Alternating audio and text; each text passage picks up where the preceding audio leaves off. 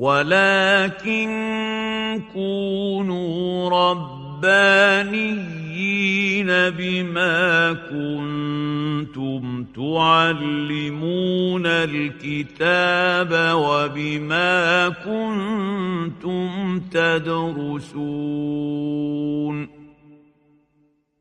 شيخ العمود وأهل العلم أحياء. فقه الطهارة على مذهب الإمام أبي حنيفة النعمان. المستوى الأول مع فضيلة الشيخ علي صالح. المحاضرة السابعة. وقد انعقدت هذه المحاضرة يوم الجمعة بعد صلاة الجمعة بمدرسة شيخ العمود بحي العباسية محافظة القاهرة. أعوذ بالله من الشيطان الرجيم. بسم الله الرحمن الرحيم. الحمد لله رب العالمين. رب صلي وسلم وبارك على سيدنا محمد النبي العربي الذي أعطاه الله جوامع الكلم وفجرت له ينابيع الحكم فهو صلوات الله وسلامه عليه. إمام البلغاء وسيد الفصحاء ورائد الأدباء. وارض اللهم عن أصحاب النبي كانوا أئمة أعلام جمعوا بين البطولة والشجاعة والنضال وبين الفصاحة والبلاغة والبيان والمعاني والبديع. وارض اللهم عن التابعين وتابعيهم بإحسان إلى يوم الدين. وبعد نحن ما زلنا مع هذا الكتاب المنير مع كتاب نور الإيضاح وهو كتاب بديع. من أتقنه أحاط بالعبادات. آه وقفنا فيما مضى في وسط باب الحيض والنفاس وللصحابة نقول وبالله التوفيق. تفضل. ويحرم أيها القارئ تفضل. الله يفتح عليك صح؟ ويحرم بالحيض والنفاس ثمانية أشياء. نعم. الصلاة والصوم وقراءة آية من القرآن نعم. ومسها إلا بغلاف يعني يبين أن هناك أمور تحرم على الحائض والنفساء. من هذه الأمور الصلاة يحرم على النفساء أو الحائض الصلاة إلا أن الصلاة تختلف عن الصيام في شيء. الصوم يقضى وأما نعم.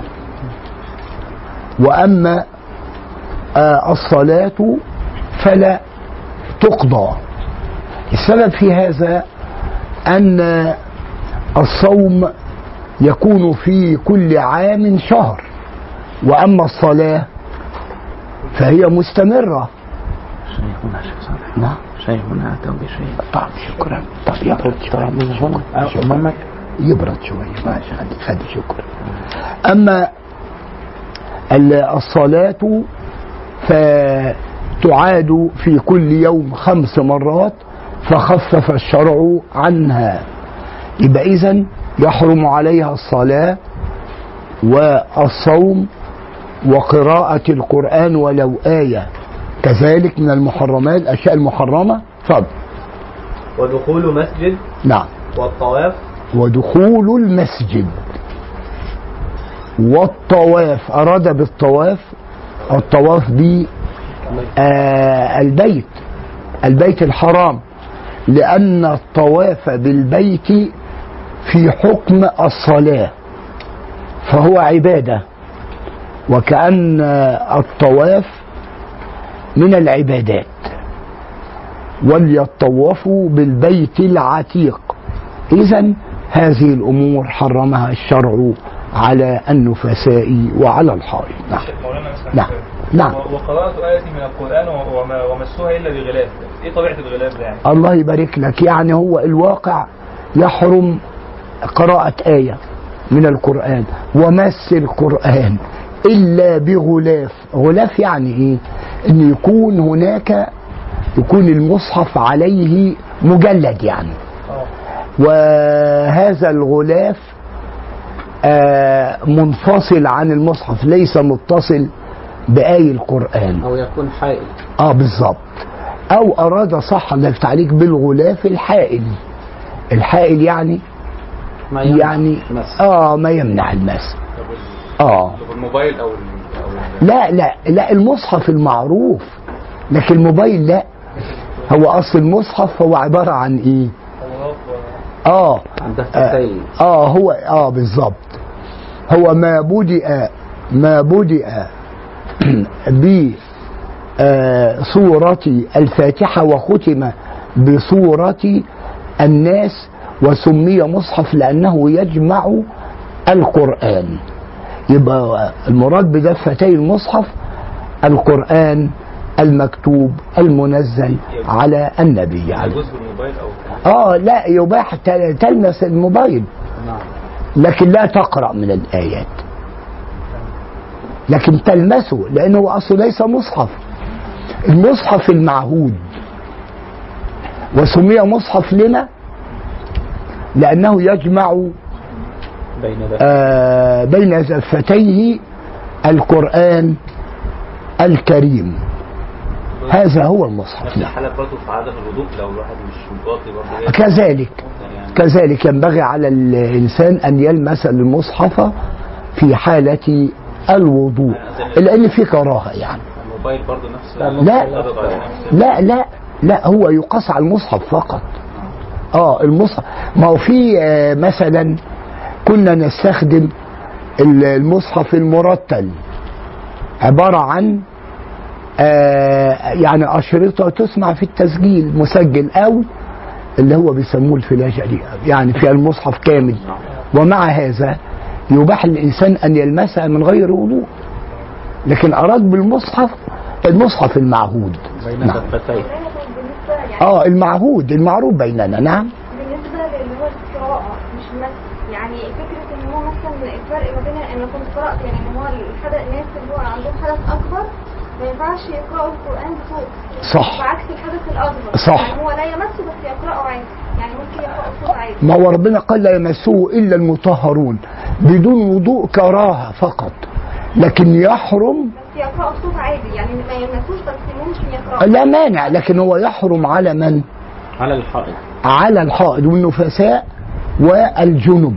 إلا للضرورة. آه. يحرم عليه آه قراءة القرآن ومس الايه المصحف. إلا في باب التعليم. ما هو ضرورة بقى. نعم. عارفه سؤال يعني أنا حافظة القرآن وبقرأه. نعم. ده برضه فيه قراءة أو حمانيه لا بالنسبة للذاكره يعني مش آه لأصحاب الأعذار لا يصح لهم أن يقرأوا القرآن في أثناء الإيه؟ العذر يعني. أصحاب الأعذار لا يقرأ القرآن في أثناء العذر. إلا الأذكار. آه لا الأذكار ممكن. في فرق بين الذكر وبين القراءة. القرآن. يعني الاستغفار ممكن؟ ممكن. التسبيح. والمعوذتين. هي في الأذكار اللي هي آية في آه لا أنا قرأت في كتابي إن لو قرأ يعني الشاهد في الآية لا شيء عليه. فاذكروني أذكركم. مثلا أستغفر الله. وقلت استغفروا ربكم. لو قلت الإنسان استغفر ربك. استغفروا ربكم. أو الأذكار معوذتين آه لكن هو يعني إيه؟ الممنوع قراءة الآية آه كاملة. إلا لضرورة يعني. يعني بعضهم أجاز الضرورة. نعم. اتفضل. والطواف والجماع. نعم. مفهوم. والاستمتاع نعم. تفضل طبعا والاستمتاع بما تحت السرة إلى تحت الركبة. وإذا يعني لا يعني هو يحرم عليه المجامعة. الاختلاء بزوجته مفهومة طبعا. يحرم عليه ويحرم عليه إيه شيء آخر. هو الاستمتاع من من أي شيء؟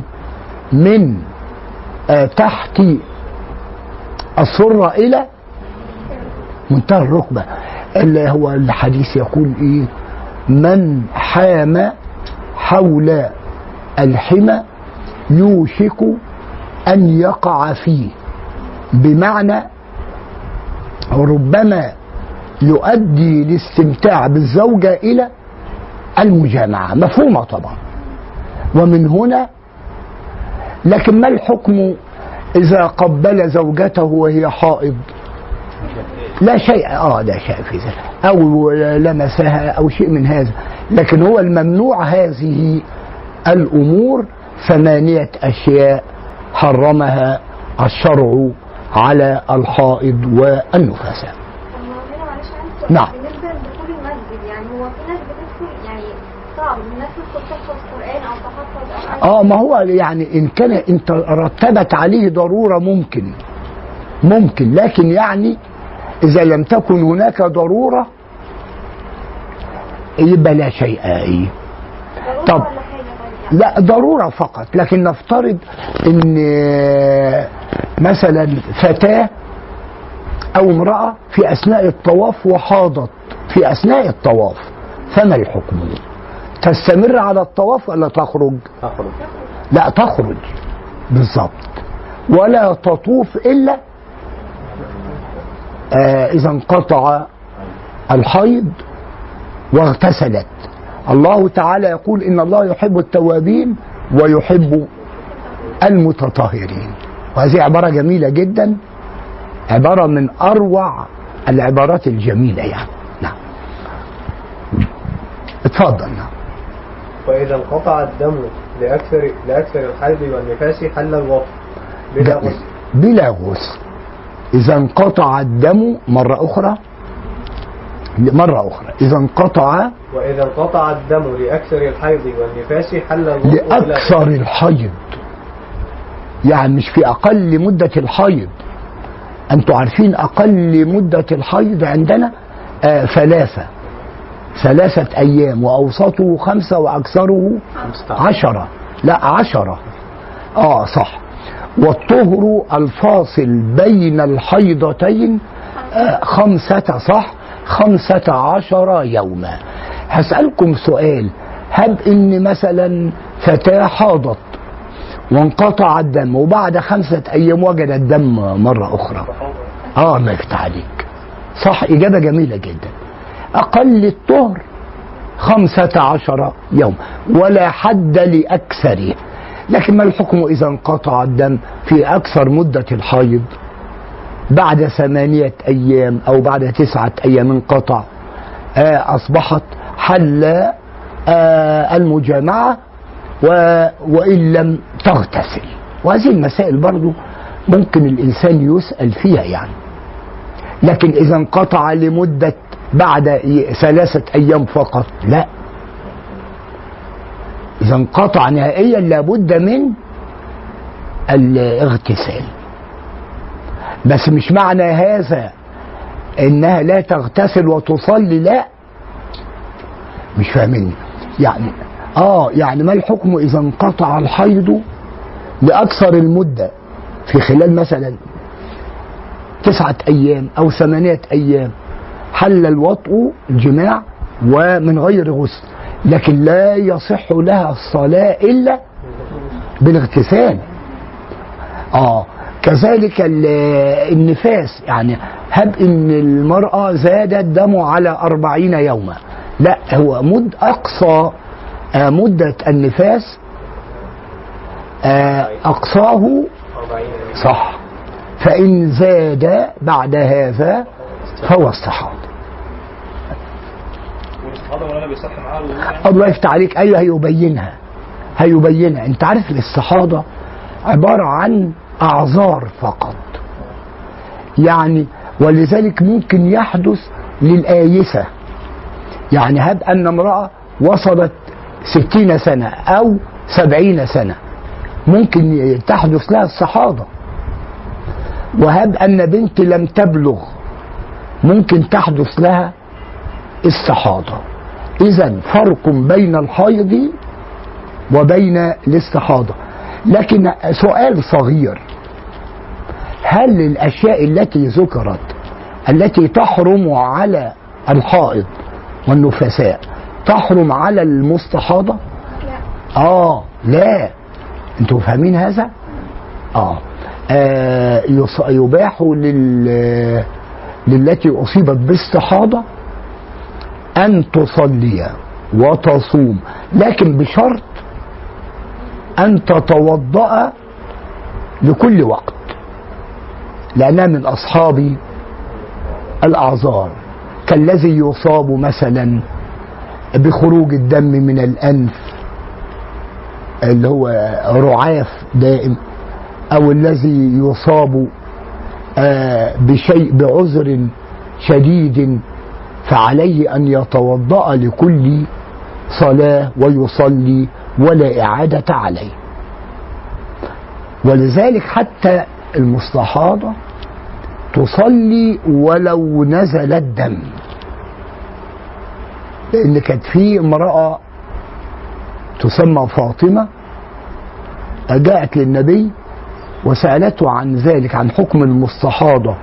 قال لها النبي صلى الله عليه وسلم توضئي وصلي.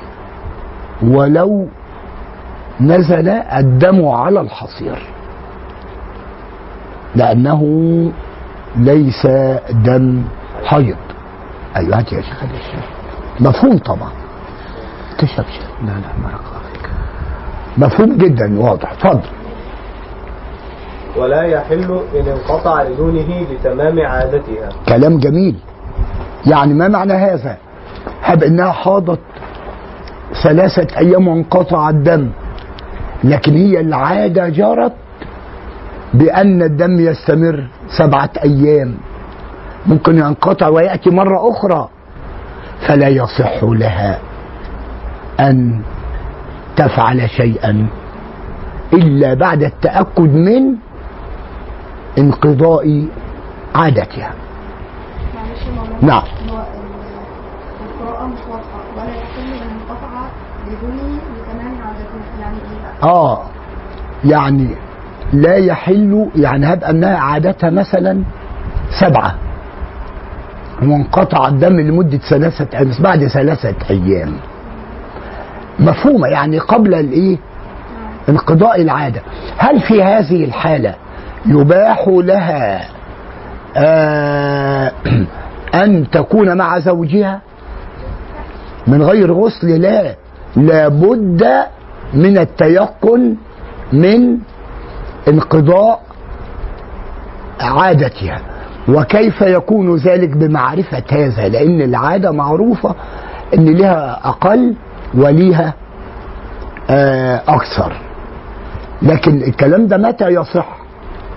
إن هو تكون مع زوجها إذا انقطع الحيض لأكثر المدة. أيوه كلام جميل جدا. نعم. إلا أن تغتسل أو تتيمم وتصلي. جميل. آه يعني افرضوا تأكدت بعد ثلاثة أيام انقطع الحيض ولم يأتي. تأكدت من هذا. يبقى لابد من الغسل. معانا يا جماعة؟ أو التيمم. نعم. أو تصير الصلاة دينا في ذمتها. جميل. متى تكون الصلاة دينا في ذمتها؟ إذا تيقنت من قطاع من انقطاع الحيض. ما معنى تكون دينا؟ انقطع الحيض اليوم واستمرت أيام. أصبحت الصلاة تقضيها بقى لأنها في حالة طهر في حالة انقطاع يعني. تقضي الصلاة ولا لا تقضي وأنا يعني ما كانتش عارفة ان كده ده كان آخر يوم في ال- في الحج. لا ما هو حضرتك إيه لا الشرط إيه؟ إذا تيقنت وعلمت إن لا يأتيها الإيه اللي لا ينزل عليها دم بعد ذلك واستمرت على ذلك أيام يبقى كأن الحيض انقطع من وقت ما ما توقف الدم بقى كل ده هي مدينة ليك. الله يفتح عليك صح. طب وقبل هذا؟ لا. لا مش مدينة. طب ها؟ مش مديونة قبل ذلك.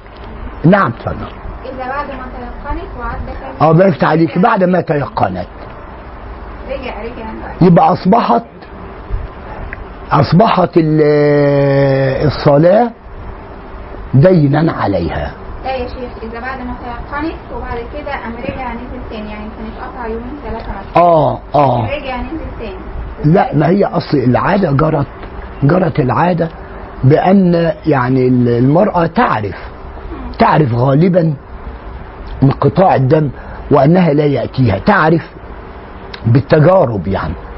فإن تيقنت بيقين لكن إذا لم تتيقن وصلت واغتسلت وصلت ونزل الحيض يبقى في هذه الحالة آه الصلاة السابقة لا تحسب لها لأنها في حالة الإيه ولذلك بعض السيدات بتصوم وهي حائض فهذا مخالف للدين. هذا مخالف للدين. لما؟ هو الهدف من الصيام الامتناع فقط ولا اتباع أوامر الله؟ لا اتباع أوامر الله. لابد أن تكون متبعا لما أمر الله به. وهذه أحكام جميلة فأنا أرجو أنكم تعرفوها يعني. تفضل. وذلك بأن تجد بعد الانقطاع من الوقت الذي انقطع الدم فيه نعم. زمنا يسع الغسل والتحريمة فما فوقهما. جميل. ما معنى التحريمة؟ الله يفتح عليك. تكبيرة الإحرام في الصلاة فالصلاة. إن كان الوقت طويل يبقى غالبا قد انقطع الدم. نعم. ولم تغتسل ولم تتيمم حتى خرج الوقت. نعم. وتقضي الحائض والنفساء الصوم دون الصوم الصوم. أيوة. إعراب الصوم إيه يا جماعة؟ تقضي الصوم. أيها السائلة الكريمة. الله يفتح صح مفعول؟ مفعول به أيوة تقضي الصوم. كلام جميل جدا. الصوم مفعول به. كأن الصوم لما كان شهر في العام عليه آه، عليها القضاء. نعم. ويحرم بالجنابة خمسة أشياء. الصلاة وقراءة آية من القرآن ومسها إلا بغلاف نعم. ودخول مسجد والطواف. الله. هذه أمور تحرم على الجنب. الجنب. الجنب يحرم الجنب. سواء كان حدث له إنزال أو جماع يحرم عليه من الأمور خمسة. فما هي؟ الأول الصلاة. الصلاة. لكن يغتسل ويصلي فإن فاته وقت قضاء. أيوه الصلاة والثاني قراءة. قراءة آية من القرآن. آية من القرآن. ومسها. كذلك مس المصحف ودخول المسجد والطواف بالبيت الحرام. لكن سؤال هل يباح له الصوم ولا لا يباح؟ يباح. أيوه. آه يعني ما الحكم إذا كان هناك إنسان جنب ولم يغتسل آه في أول الليل وأصبح جنبا وصام رمضان. الصوم صحيح. الصوم صحيح. لا تفهم وذلك وذلك بأن تجد بعد الانقطاع من الوقت الذي انقطع الدم فيه زمنا يسع الغسل والتحريم فما فوقهما كلام جميل. لا معناها إيه يعني؟ يعني انقطع الدم ووجدت براح من الوقت بحيث وقت يسمح لها بالاغتسال ويسمح لها بأداء اغتسلت وأدت الصلاة وأكملتها دليل على إن الحيض قد انقطع لكن مش بمجرد ما ينقطع الحيض آه تغتسل وتصلي تنتظر لأن ربما يعاودها مرة أخرى يعني نعم. ليس آه، بالظبط. يعني آه في أثناء الشك لا شيء لا شيء عليه. بالظبط. آه بالظبط يعني كأنه مبني على اليقين. شكرا. مفهومه طبعا. اتفضل نعم. ولم تغتسل ولم تتيمم حتى خرج الوقت. اللي هي نعم. معنى إيه يعني حتى خرج الوقت؟ آه. ولم تغتسل ولم تتيمم حتى خرج الوقت. آه يعني نفترض أنها لم تغتسل ولم تتيمم وخرج وقت الصلاة ولم ينزل حيض ماذا تفعل؟ يبقى تغتسل و... صلي وتصلي أو تتيمم. نعم. آه باليقين. هو مبني على اليقين. هي قاعدة شوفوا الأحكام دائما تبنى على اليقين. لا تبنى على كما قلت أنت لا تبنى على الشك. نعم. ويحرم على المحدث ثلاثة أشياء نعم. الصلاة والطواف ومس المصحف إلا بغسل آه المحدث حدث أصغر. الحدث الأصغر. يعني تبول ولم مثلا إيه؟ يتوضأ. يعتبر محدث. المفروض يتوضأ. حدث أصغر. خرج منه شيء ولم يتوضأ. يحرم عليه أن يصلي. إلا إذا توضأ طبعا. أنتوا عارفين الوضوء مقدمة الصلاة. إذا قمتم إلى الصلاة فاغسلوا وجوهكم. إذا أردتم الصلاة فابدأوا بالوضوء. يبقى الصلاة يحرم عليه الصلاة إلا بوضوء إذا توضأ. والطواف والطواف بالبيت. شوفوا شيء جميل. لعلي قلت لكم إن الطواف بالبيت الحرام يعد آه، صلاة. يعد ولذلك الطواف يغني عن تحية المسجد. لما؟ لأنه نوع من الصلاة. والنظر إلى البيت عبادة. ونحن نتجه إلى البيت في كل صلاة. يبقى ما الذي يحرم على المحدث يا شيخ؟ خليل واحد. الصلاة. الصلاة. الله يبارك لك. ومس المصحف. ومس المصحف. شوف دليل على أن المصحف مقدس. له مكانته له مكانه نعم. آه كراهة بس. أيوه. طب ليه؟ أصل في الواقع إيه؟ خليك معايا. للضرورة فقط لأن في كراهة تحريمية وكراهة تنزيهية. لكن بالنسبة للمحدث فيها كراهة تنزيهية. القراءة للقراءة ولا والحرام للمس ولا لا الكراهة عموما للمحدث ليه؟ لأن هو أصل ال- عذره أو ما حدث له ليس شديد وللضروره يعني. من باب التحديث للقرآن. آه بس من هنا. نعم. نعم. ودم الاستحاضة كرعاف دائم لا سؤالك يمنع- اهو نعم. ودم الاستحاضة كرعاف دائم لا يمنع صلاة ولا صوما ولا وطن الله. دم الاستحاضة كرع ما معنى رعاف؟ الذي الدم الذي يخرج من الأنف. دم الاستحاضة كرعاف دائم لا يمنع صلاة ولا صوما ولا وطأ. ولذلك لكن ينبغي كما قلت لكم آه التوضؤ لكل صلاة. فما ما الحكم إذا كانت امرأة مصابة باستحاضة وصلت الظهر وتوضأت؟ هل تصلي العصر بنفس الوضوء؟ آه تعيد. تعيد الإيه؟ الوضوء مرة أخرى. طب ما الحكم إذا حدث لها دم في أثناء الصلاة؟ تصلي. الصلاة ليست باطلة. وهذا تخفيف من الله. وقلت لكم الاستحاضة تصيب الآيسة الكبيرة والصغيرة. مفهوم. نعم.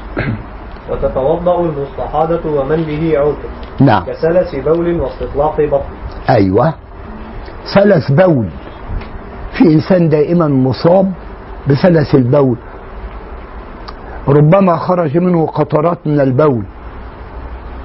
يتوضأ لكل صلاة. استطلاق بطن. يعني يخرج منه أحيانا آه شيء لأنه لا يستطيع أن يتماسك. هذه الأشياء معفو عنها إلا أن الله سبحانه أباح لهؤلاء آه، أن يتوضأوا لكل صلاة ولا شيء عليهم. نعم. كسلس بول واستطلاق بطن لوقت كل فرض. ويصلون به ما شاءوا من الفرائض والنوافل آه فائدة مهمة. يعني صاحب العذر نفترض أنه توضأ للعشاء. هل ممكن يصلي السنن سنن العشاء؟ ممكن. ويصلي الوتر ولا إيه يا جماعة حتى لو اصابوا العذر بتاعه تاني الله يفتح عليك. أيوه معلوش شيء. بس هو الإيه؟ لا, لا يصلي مثلا بوضوء الظهر العصر. معايا يا سيدي؟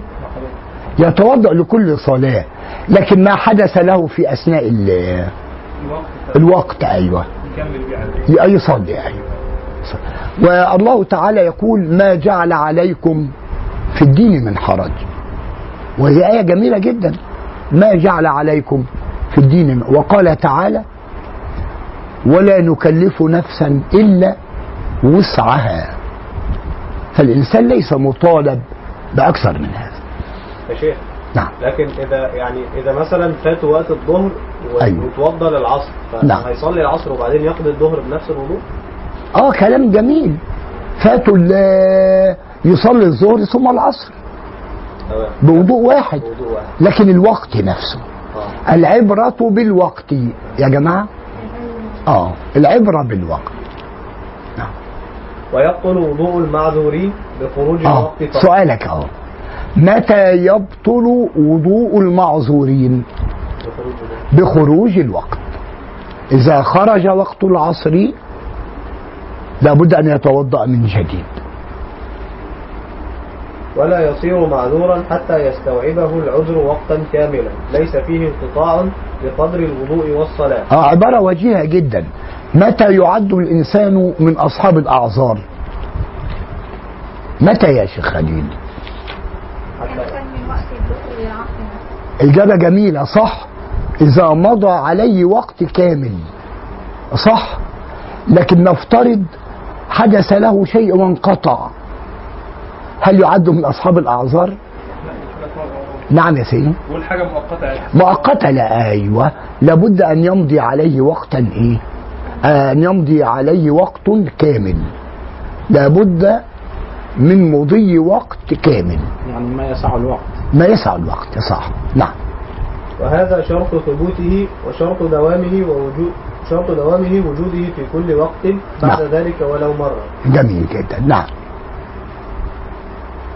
أيوه تفضل. وشرط انقضائه وخروج صاحبه عن كونه معذورا خلو خلو خلو وقت كامل عنه. آه يعني ما الحكم إذا خلى العذر أو ذهب العذر لوقت كامل؟ لا يعد من أصحاب الأعذار. آه، بالظبط نعم. باب باب الأنجاس والطهارة. آه أرجو تركزوا على هذا. أرجو تركزوا على هذه الأمور وأنتم إن شاء الله. آه وكأني أفهم أني أقرأ آه لناس عظماء وإن شاء الله هتخرجوا بنتيجة كبرى من هذا الكتاب إن شاء الله يكون مقدمة لكتب أخرى ونكتب إجازة في النهاية آه لكم ونبين لكم على من قرأنا هذا الكتاب. تفضل. باب الأنجاس والطهارة عنه. نعم. تنقسم النجاسة إلى قسمين غليظة وخفيفة. أيوة. فالغليظة كالخمر والدم المسفوح ولحم الميتة وإهابها شيء جميل. ال- النجاسة تنقسم إلى قسمين غليظة وخفيفة أو مخففة ومغلظة. فالنجاسة المغلظة يعني الشديدة. مثل لها بالخمر. الخمر آه، من النجاسات و الدم المسفوح. ما معنى المسفوح يا شيخ خليل؟ والذي ذبح لغير اسم الله. نعم يا سيدي. الدم الذي ذبح لغير اسم الله. لا ما هو شوف يا أستاذ خليل. لا الدم المسفوح يا جماعة هو الذي يعني يخرج من الذبيحة عند الذبح. أنتوا فاهمين هذا؟ دم الذبائح. آه دم الذبائح يعتبر نجس. لكن لو أصاب الإنسان ثوبه.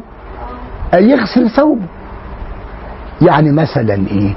لكن في اسمحوا لي أحيانا بتجدوا في اللحم دم. لحم يعني أنتوا لما تحضروا لحم عند الطبخ قبل الغسل ممكن يخرج منها دم صح؟ هذا الدم طاهر أم نجس؟ طاهر. لا طاهر. معفو طاهر. عنه. نعم. معفو. معفو عنه.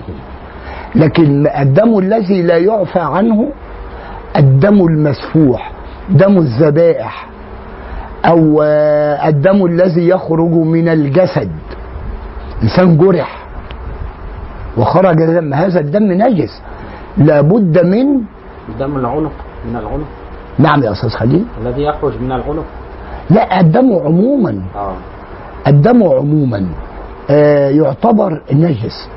لابد من التطهر منه أو تطهير الثوب منه بالغسل.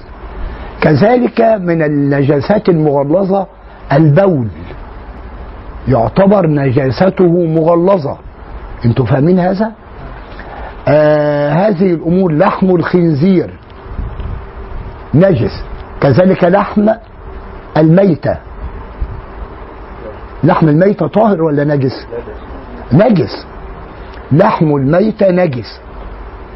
ما المنجس له؟ يعني حتى لو حيوان مأكول اللحم ومات يعتبر اللحم نجس. لأن المطهر للحم هو خروج دم الدم منه. كلها نجاسات مغلظة. نعم. مثلا الجزار اللي هو آه ما هو يعني سؤال جميل. أحيانا ثيابه فيها دماء. لا الواقع الواقع إنه ينبغي عليه إن وجد ثوبا آخر للصلاة يصلي. في ثوب آخر. آه إذا لم يجد هذا عذر. مش المسجد بيه بيصلي ويبقى ريحته دم طبعا. آه بالظبط هذا. فعلا. مش كده مكروه آه ما هو؟ ضرورة لأنه أراد ما أنا جاني واحد وسألني هذا السؤال وقال أنا حريص على الجماعة بس ينبغي عليه إنه إيه يحرص على إنه لا يضر بالآخرين يعني لكن هل يمنع من صلاة الجماعة لا طبعا بس يعني. يدور لمصلحة العام آه بس يضر بال العام بالن... لكن لا يمنع هو ممكن يصلي يعني إيه منعزل يعني في مكان مثلا ويتابع الجماعة ولا يقف في الصفوف الأول يعني حتى لا يضر الصلاة دي يعني.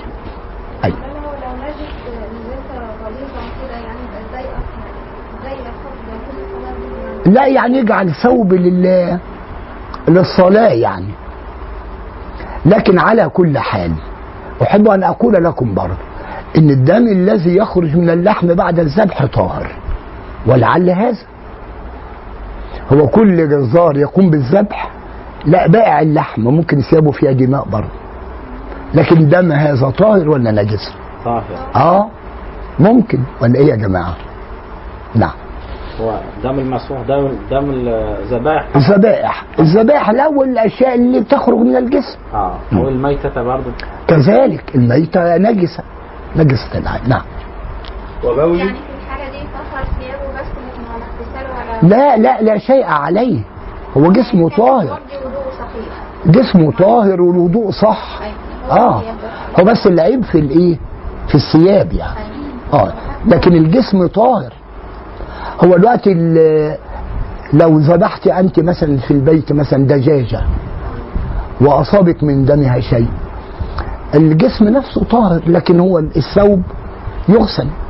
آه بس. نعم لو لو ده وقع على الثوب آه، لمس الجسد نفسه؟ لا لا يغسل الموضع فقط. معلوش غسل ولا وضوء ولا شيء. نعم.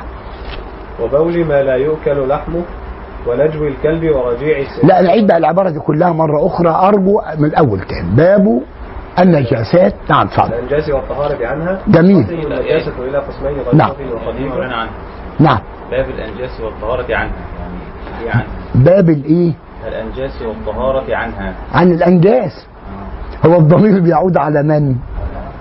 على أقرب مذكور. آه عنها أو منها يعني. عن الطهارة ولا ال- لا عن الأنجاس. كيف؟ نعم. اتفضل تنقسم النجاسة إلى قسمين نعم. غليظة وخفيفة. صح. فالغليظة كالخمر والدم المسفوح ولحم الميتة وإيهابها.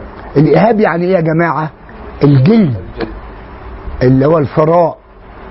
يعني مثلا جلد الميتة نجس. يعني خروف مات وسلخ أخذنا الجلد بتاعه بعد موته. يعتبر نجس لابد من الدبغ. عارفين الدبغ اللي هو إيه؟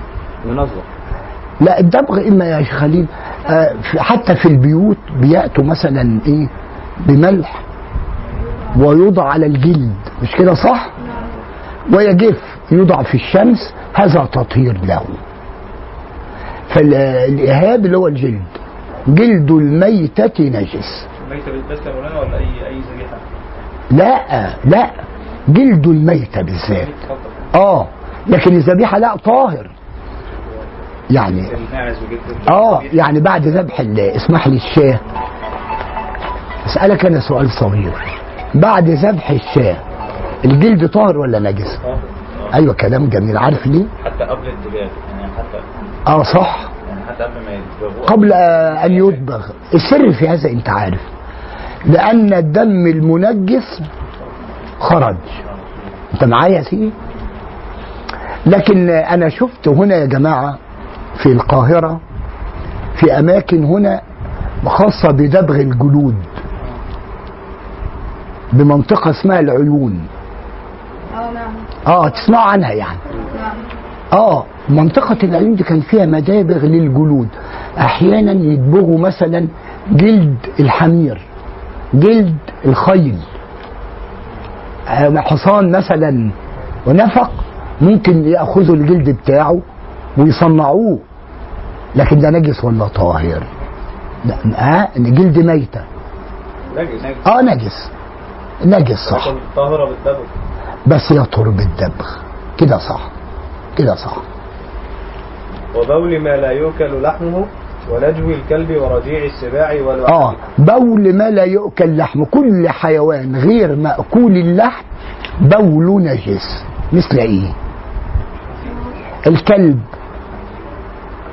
مثلا الذئب الأسد النمر ومن أراد المزيد فليذهب إلى حديقة الحيوان. وانتوا عارفين بقى الأسماء كثيرة. ها؟ نجس. كل ما لا يؤكل لحمه نجس. قال وإيه يا سيدي؟ ورجيع. نعم. السباع. السباع. ونجو الكلب. ونجوي الكلب. آه اللي هو إيه؟ ما يخرجه الكلب من فمه من ريقه. نجس. رجيع السباع. ما معنى رجيع؟ ما يخرج. من آه، عند القيء. القيء قيء السباع يخرج ما في جوفه. كذلك نجس. كلها أشياء نجاستها مغلظة. فأرجو أن تعرفوا هذا. كل هذه الأنواع تعد من النجاسات المغلظة. نعم. وقرء الدجاج والبط والأوز وما ينقض الوضوء بخروجه من بدن الإنسان. الله خرق الدجاج.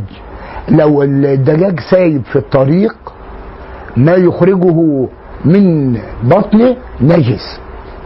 والأوز والبط في فرق بين الأوز والبط أنتوا عارفين. آه.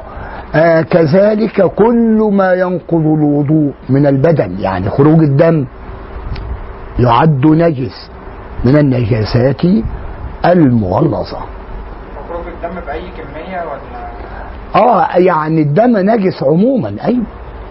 أيوه لا تشترط كمية بعينها نعم. أحنا قلنا لو قبل كده يا مولانا خروج الدم هو لو الدم ما خرجش عن موضعه ما سالش يعني لا ده شيء آخر. ما هو لا ينقض الوضوء. مش أخذنا فيما مضى. لكن متى ينقض الوضوء؟ إذا سال. إذا سال سال عن موضعه آه بالظبط هذا وضع آخر. لكن إذا سال وتنجس أصيب الثوب يعد لابد من غسله. إذا عند الأحناف. أيوه. فاهمين هذا؟ نعم. وأما الخفيفة فكبول الفرس وكذا بول ما يؤكل لحمه وقرء طير لا يؤكل. شوف جميل جدا. بدأ يتكلم عن النجاسة المخففة. من ذلك بول الفرس. الله لما؟ أنتوا عارفين بول الفرس نجس نجاسة مخففة لأن الحصان مختلف في أكله فمنهم من يبيح أكله. في مذهب الأحناف يبيحون أكل الخيل. بعض الأئمة في المذهب تبيح أكل الخيل إذا كل ما يؤكل لحمه بوله طاهر. ك؟ الخيل. ال- البقر. ال- الغنم. الايه آه كل هذه الأشياء بولها مخفف آه مخفف. نجاسة مخفف. وما يخرجه الطائر في الهواء. شوفوا شيء جميل جدا. الطائر في الهواء يعني مثلا في طيور مش العصافير لا أنا أقصد بالطيور الكبيرة. الجوارح. الجوارح. أيوه الله يفتح عليك. كالصقر النسر. أيوه نجاسته مخففة. وفي طبعا ليها مقدار وهنا يجب غسل الثوب منه إذا زاد عن المقدار ونبين نعم. الفرق بين الغليظة والخفيف في الحكم آه الله يفتح عليك في الحكم الغليظة لها مقدار معين والخفي... الخفيفة إن زادت عن ربع الثوب لابد من الغسل. ربع الثوب. لكن المخف... الغليظة قدروها بالدرهم. يعني إيه؟ بمقدار الدرهم. يعني معدل مثلا إن زادت مثلا عن وزن الدرهم في الوزن أو في المساحة. والدرهم ده قدروه بقد إيه مثلا؟ يعني بمقدار حجم الكفه أيوه بالظبط. لأن الدرهم كان زمان حجمه أكبر من هذا. وعفي عن قدر الدرهم من المغلظة سؤالك. ما دون ربع وما دون ربع الثوب أو ما دون الربع أو البدن. نعم من المخففه نعم. وعفي عن رشاش بول كرؤوس الإبل اسمعوا يا جماعة أحيانا الإنسان يمشي في طريق فيحس ببول حيوان مثلا حصان وممكن الهواء يجعل آه، رشاش على الجسم أيوة أو على الثوب معفو عنه. يبقى ما حكمه إذا أصاب أو إذا أصيب الثوب ببول كرشاش الإبر ذرات فقط. أو الهواء نقل عليك شيء من هذا. لا. غليظة أو خفيفة. آه لا معفو عنه معفو عنه. صح. نعم. لو مسك البدن نفسه لا عليه إن يغسل. بس ما يغتسلش لا. يغسل أثر آه لكن هو يعني معفو عنه طالما خفيف. طالما يعني إيه؟ آه شيء خفيف كذرات فقط. الهواء أحيانا بينقل الأشياء. أنا ذهبت للمسجد للصلاة و لخطبة الجمعة وأصبت كنت أقف منتظر يعني جماعة مثلا هيروحوا معايا المسجد فأصبت برشاش من حصان واقف قريب مني وكالهوى فهل أخلع الثياب ولا أصلي؟ كنت أصلي بهم إمام. لا أصلي بال- بالثياب معفو عنها. طالما الهواء مجرد إيه؟ يعني أشياء ذرات خفيفة. لكن لو تيقنت إن الثوب آه، امتلأ بول وبلغ أكثر من ربع الثوب لابد أن تغسله. ولا ربع ده تقدير يعني. تقدير تقدير. صالح هو لماذا مرة أدخل الخرق الدجاجة على ال على النجاسة المغلظة و- لأن اصل خلق الدجاج الدجاجة لا ال- الدجاج والاوز بتبقى مطلقة. ما معنى مطلقة؟ آه في الطرق وبخاصة في القرى. تأكل من أي شيء؟ نعم آه بتاكل من أي شيء. ممكن تأكل النجاسات نعم. الفرس مطلق وبيمشي في الشوارع الفرس لا. لا الفرس لا يأكل. لا. هو الفرس أسألك سؤال. يأكل الحشيش. يأكل الخضروات فقط البرسيم الحشائش. لكن ما سمعنا عن فرس يأكل النجاسات. هل سمعتم هذا؟ شيخ صالح هو قال ال- ال- النجاسة مخففة خرق الطائر أليس الإيواز والبطة؟ آه بالظبط. لكن الأوز من المولظه الأوز اللي هو متروك الطائر لم يؤكل أيوه لو لكن الأوز متروك في الطرق. يمكن الطائر اللي لا يؤكل لحمه ممكن يأكل. للضر... لا لكن لعموم البلوى للضرورة يعني. آه، في نقطة أخرى يعني أرجو ال- الشاعر يقول على على الخيل نطعمها اللحم إذا عز الشجر والخيل في إطعامه اللحم ضرر أنتوا فاهمين هذا؟ يعني يقول نطعم الخيول اللحوم إذا عز النبات إذا قل النبات إلا أن إطعام اللحم للخيل آه يضعفه ويمرضه أنتوا فاهمين هذا؟ ولذلك قالوا إن حتى سيدنا سليمان عرضت عليه خيول غنمت من حرب فأعجب بها ومسح عليها. وكانت سبب في أنه تأخر عن صلاة العصر. والله تعالى أخبر عن ذلك بقوله في سورة إيش؟ صاد. نعم. يقول الله تعالى أيوة. أيوة الآية اقرأوا الآية. من أولها إيه؟ آه صح الله يفتح عليك صح. إذ عرض عليه بالعشي الصافنات الجياد. إذ عرض عليه بالعشي الصافنات. ده نائب فاعل آه. إذ عرض عليه بالعشي الصافنات الجياد. فقال إني أحببت حب الخير عن ذكر ربي حتى توارت بالحجاب ردوها علي. فطفق مسحا بالسوق والأعناق. فيها كلام جميل جدا. هو سيدنا سليمان لما عرضت عليه الخيول الصافنات الجياد الخيول القوية فأعجب بها. ولما شغلته عن العصر أخذها ومسح على سوقها وأعناقها وجعلها في سبيل الله.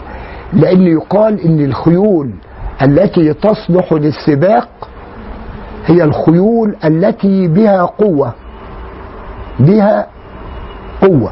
فطفق مسحا بالسوق والأعناق. طالما أن ساق الخيل قوية وأن العنق قوية هذه الخيول تصلح للسباق أنتوا فاهمين هذا؟ وهذه معاني جميلة. حتى أن ال- العلم الحديث أثبت هذا. هل كل خيل يصلح للسباق لا. لا. لابد من توفر هذه الأمور.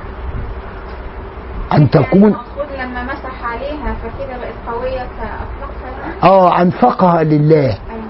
للجهاد في سبيل الله وهذه معاني جميلة والقرآن أخبر بهذا. لكن المفسرين القدامى بيقولوا انه ذبحها وتصدق بها على الفقراء. وكانت اللحوم لحوم الخيل مباحة. لكن العلم الحديث أثبت أنها خيول قوية فهي التي تنفق آه، في سبيل الله للجهاد. فهمتم هذا؟ نعود إلى موضوعنا. اتفضل ولو ابتل فراش أو تراب نجسان من عرق نائم أو بلل أو, قد أو بلل قدم وظهر أثر النجاسة في البدن والقدم تنجس وإلا فلا. آه. مرة أخرى ولو ابتلى ولو ابتل فراش أو تراب نجسان من عرق نائم. بس فراش أو آه تراب من عرق نائم. ما الحكم؟ بيقول آه بيقول ولو ابتلى مرة أضبط لكم العبارة. يعني ولو ابتلى فراش أيوة. تراب نجسان. تراب أو فراش نجسان من عرق نائم. نائم. يعني لما عرق على الفراش معايا؟ أثر ذلك في الإيه؟ اختلط العرق بالنجس. بال- بالنجس. أيوه. وأصبحت هل يعد ذلك نجس ولا طاهر؟ نجس. أيوه. حتى ثوبه تنج... آه، ابتل من؟ من عرق. أم- آه بسبب العرق من الفراش النجس. يعتبر الثوب نجس ولا طاهر؟ نجس. نجس. طالما ال- آه، يعني ال- الفراش مبتل النجس ابتل وأثر في نعم. الثوب. مفهومة جدا. نعم. من عرق نائم أو بلل قدم وظهر أثر النجاسة في البدن. أيوه. آه، والقدم تنجس تنجس. إلا فلا. وإلا. طب نفترض أنه آه، جلس على فراش نجس ولم يؤثر في الثوب فما الحكم؟ نجس يابس. آه يابس يعني. ما الحكم؟ طاهر. يعتبر الثوب نجس ولا طاهر؟ طاهر. طاهر. أما إن ابتل نجس. يعتبر نجس. نعم. كما لا ينجس ثوب جاف طاهر آه، لف في ثوب نجس رطب لا ينعصر الرطب ولا- آه، لو عصر. آه مرة أخرى ثوب ثوب جاف. جاف. طاهر. طاهر. لف في ثوب. لف بس لف في ثوب نجس. والثوب النجس لا ينعصر. ما معنى لا ينعصر؟ لا ليس فيه نص رطوبة. أيوة أو ماء. فما الحكم؟ ما حكم هذا الثوب؟ يعني لف ثوب طاهر في ثوب نجس ولم يؤثر فيه. بحيث هذا الثوب النجس لا ينعصر. طب وإن كان ينعصر؟ نجس. يبقى تنجس. هو العصر يعني مثلا ممكن ينقط حاجة. آه صح. صح يا زلمة ولا ينجس ثوب رطب بنشره على أرض نجسة يابسة فتندت منه. آه برضو معلومات جميلة. ثوب ثوب ماله يا سيدي؟ آه مبتل مثلا. طاهر مش كده برضو؟ وضع على أرض نجسة جافة. ولم يتأثر بالأرض. فما حكمه؟ طاهر. يعتبر طاهر. تندت منه معنى لا تندت يعني إيه؟ يعني في بلل خفيف جدا. نعم آه من أثر الأرض. يعتبر طاهر. ولا بريح هبت على نجاسة فأصابت الثوب إلا أن يظهر أثرها. في آه يعني هب أن هواء مر على أرض نجسه وأصاب الثياب. فما الحكم؟ مر هواء على أرض متنجسة وأصاب الثياب. النجس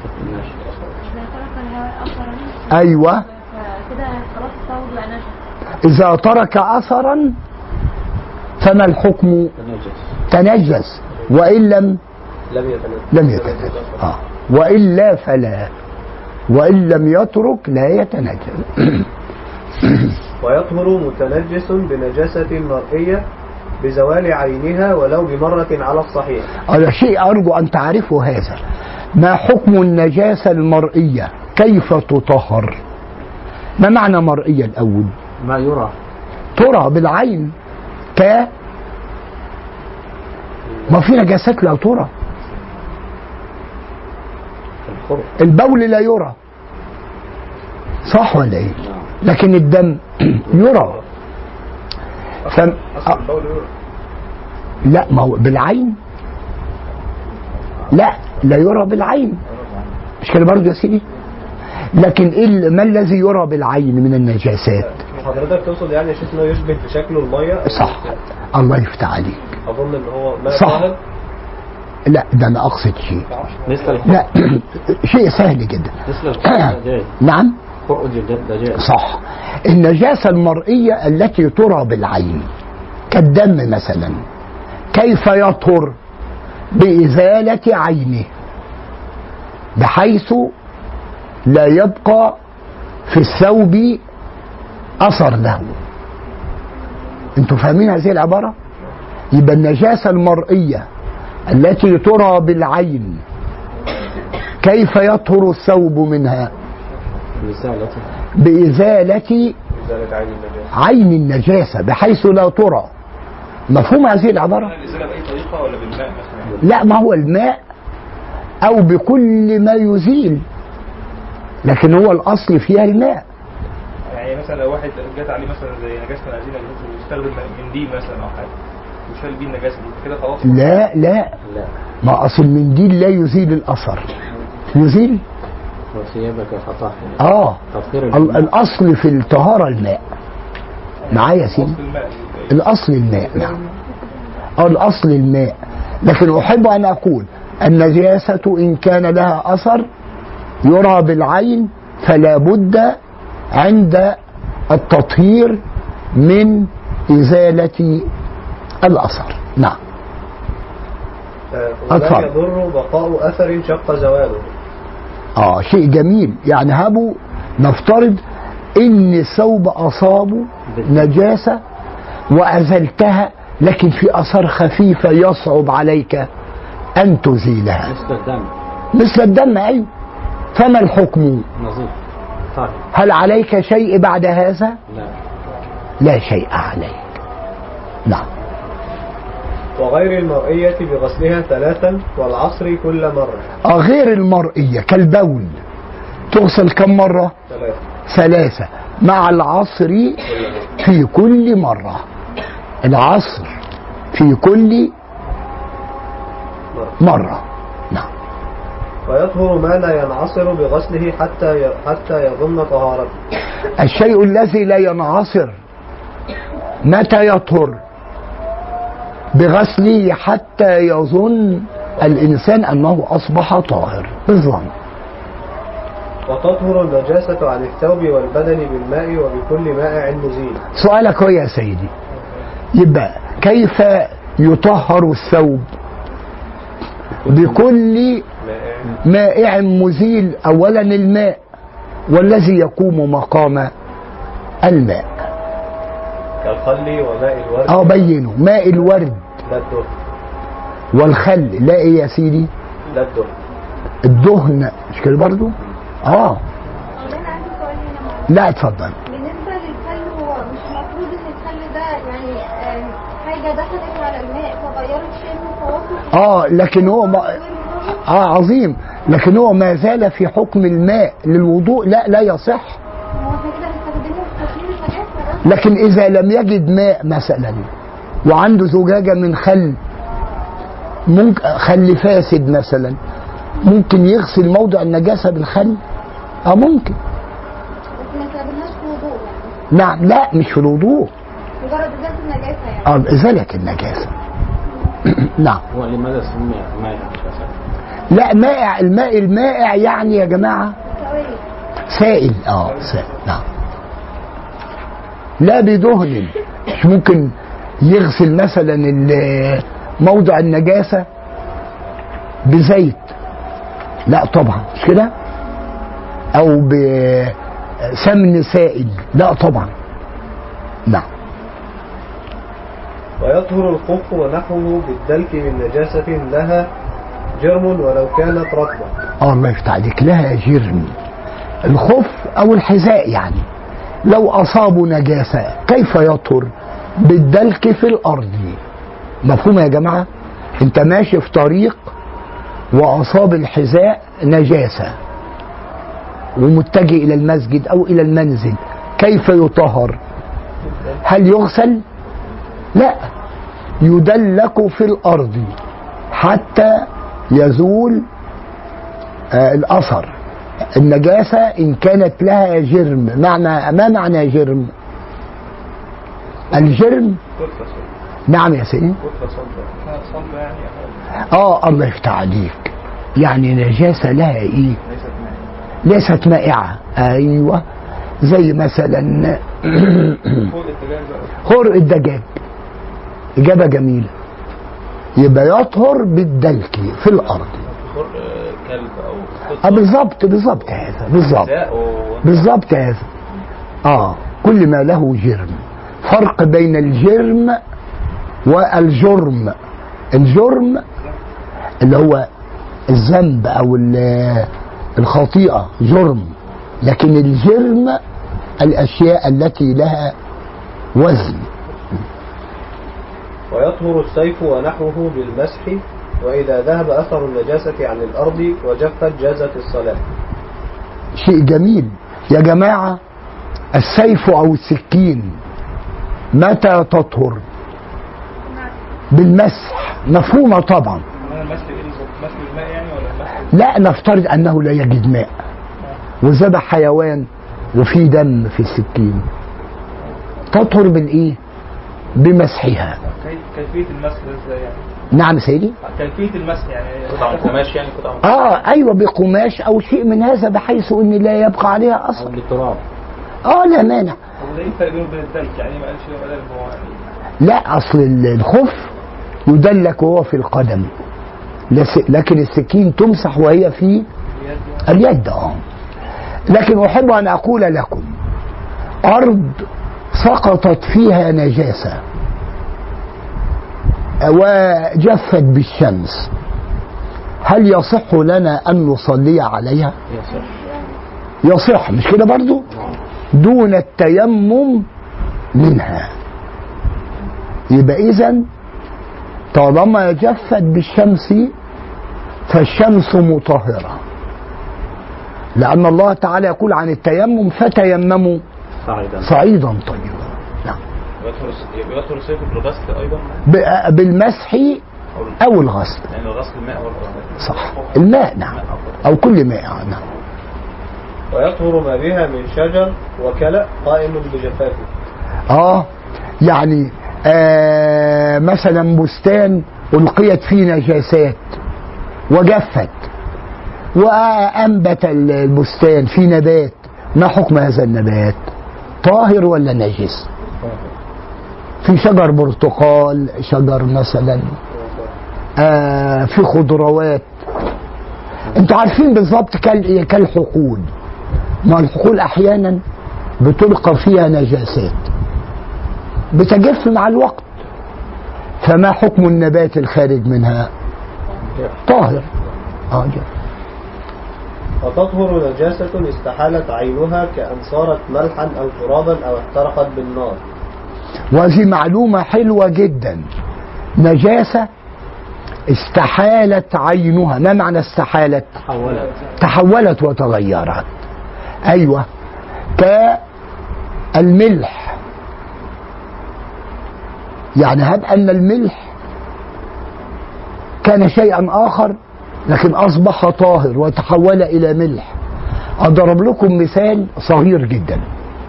الخ... ال- آه، الخمر نجسة. نعم. لكن ما الحكم إذا تحولت الخمر إلى خل؟ حل حلت.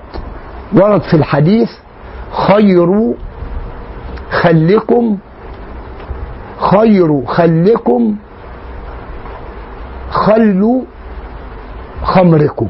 مرة أخرى خير خلكم خل خمركم. يعني ال- الخل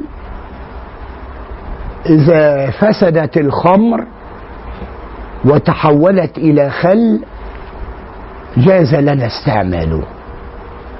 لأنها لأنه غير مسكر. خمر فاسدة وتحولت إلى خل خللت. كذلك لو مثلا مكان في حيوانات ميتة وأحرقت وتحول ذلك إلى تراب. فما الحكم؟ أصبح طاهر بالإحراق. إزاي نعرف نعم. الخمر ده بقى بقى خل بقى صالح ان إحنا هو عموما الخمر متى لا تسكر إذا تحولت إلى الحل إذا تحولت إلى خل. والخل يصبح طاهر ده بالطعم يعني؟ نعم سيدي. بالطعم الطعم بيختلف. ولا تأخذ بالعقول. بالتجارب. بالتجارب نعم. آه والشكل مميز. والريحة مميزة. عند الخبراء. آه عند أهل الخبرة. ولذلك بعض الناس يأتون ب- مثلا بخل الخمر. والخمر ليست مقصورة على شيء معين لكن نفترض إن مثلا آه بلح منقوع في الماء وتغير وأسكر يحرم استعماله فهب إن هذا البلح فسد بعد ذلك وتحول إلى خل يباح استعماله. خير إدام الحاجة آه. فالخل ممكن يكون مولد من آه خمر. ومع هذا يباح آه استعمال. أدم خل. ويطهر المني الجاف بفركه عن الثوب والبدن ويطهر الرب بغسله. برضو معلومة مهمة. الثوب إذا أصابه مني وكان رطبا لابد من غسله. وإن كان جافا يطهر بالفرك من الثوب. وهذه معلومات ولذلك ورد في الحديث معنى الحديث يعني اغسلوه إن كان رطبا وافركوه إن كان يابسا. مفهوم هذه العبارة فصل في طهارة جلد الميتة. يلا اتفضل يطهر جلد الميتة بالدباغة بالدباغة الحقيقية كالقرض وبالحكمية كالتتريب. الواقع الدبغ طبعا الآن في الآن في أشياء حديثة يعني يدبغ بها. لكن أنا يعني كنت أشاهد دائما يستعملوا الملح عند الدباغ يعني. المهم جلد الميتة إذا دبغ يطهر وأنواع الدبغ إما دبغ حقيقي بيكون بإيه يا سيدي؟ القرض. والعامة بيقولوا عليه إيه؟ قرض أو أرض. القرض ده نوع من أنواع ال- النبات يباع عند من يقوم ببيع العطارة. موجود حتى الآن اسمه قرض أو قرز هذا النوع إذا وضع على الجلد يجف. وقد يكون الدبغ بالتجفيف في الشمس وبالتتريب فإن وضع التراب عليه وجفف أصبح طاهر. آه ما الحكم إذا أتى إنسان بجلد كلب ميت ودبغه؟ طاهر. ممكن نصلي عليه. أنتوا فاهمين هذا؟ إلا جلد الخنزير. عينه نجس لا يطهر أبدا. لنجاسته. يبقى جلد الخنزير لا يطهر بالدبغ لأنه نجس العين. نجس العين آه ما معنى نجس العين؟ الذات. ذاته نجس. نعم. مولانا وعيش وعليه دماغ حقيقية نعم يا سيدي. إيه الفرق بين الدماغ الحقيقية والدماغ الحكمية؟ لا الحقيقية مثل لها بإيه يا سيدي؟ أنا فهمت الطريقة بس فاهم ليه أطلق على دي حكمية ودي حقيقية يعني؟ لا ما أصل مش واخد بالك.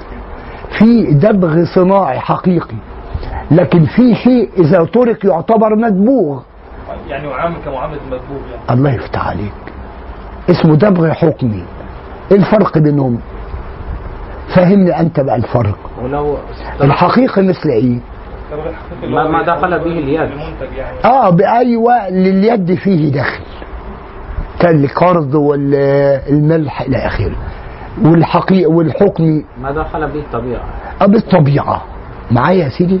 ده يعني هب إنكم أنتم ذبحتم حيوان ترك وتركتم الجلد في الشمس. معايا يا سيدي؟ وجف. آه أصبح طاهر. ممكن تصلي عليه. ما نحن كنا في المساجد زمان نصلي على جلد الحيوانات. أهل الخير كان يأتوا مثلا بشراء الحيوان كنا نصلي عليه ويوضع في القبلة مش صح؟ جلد ماعز جلد خروف. مفهوم هذا. ولو كان ميتا.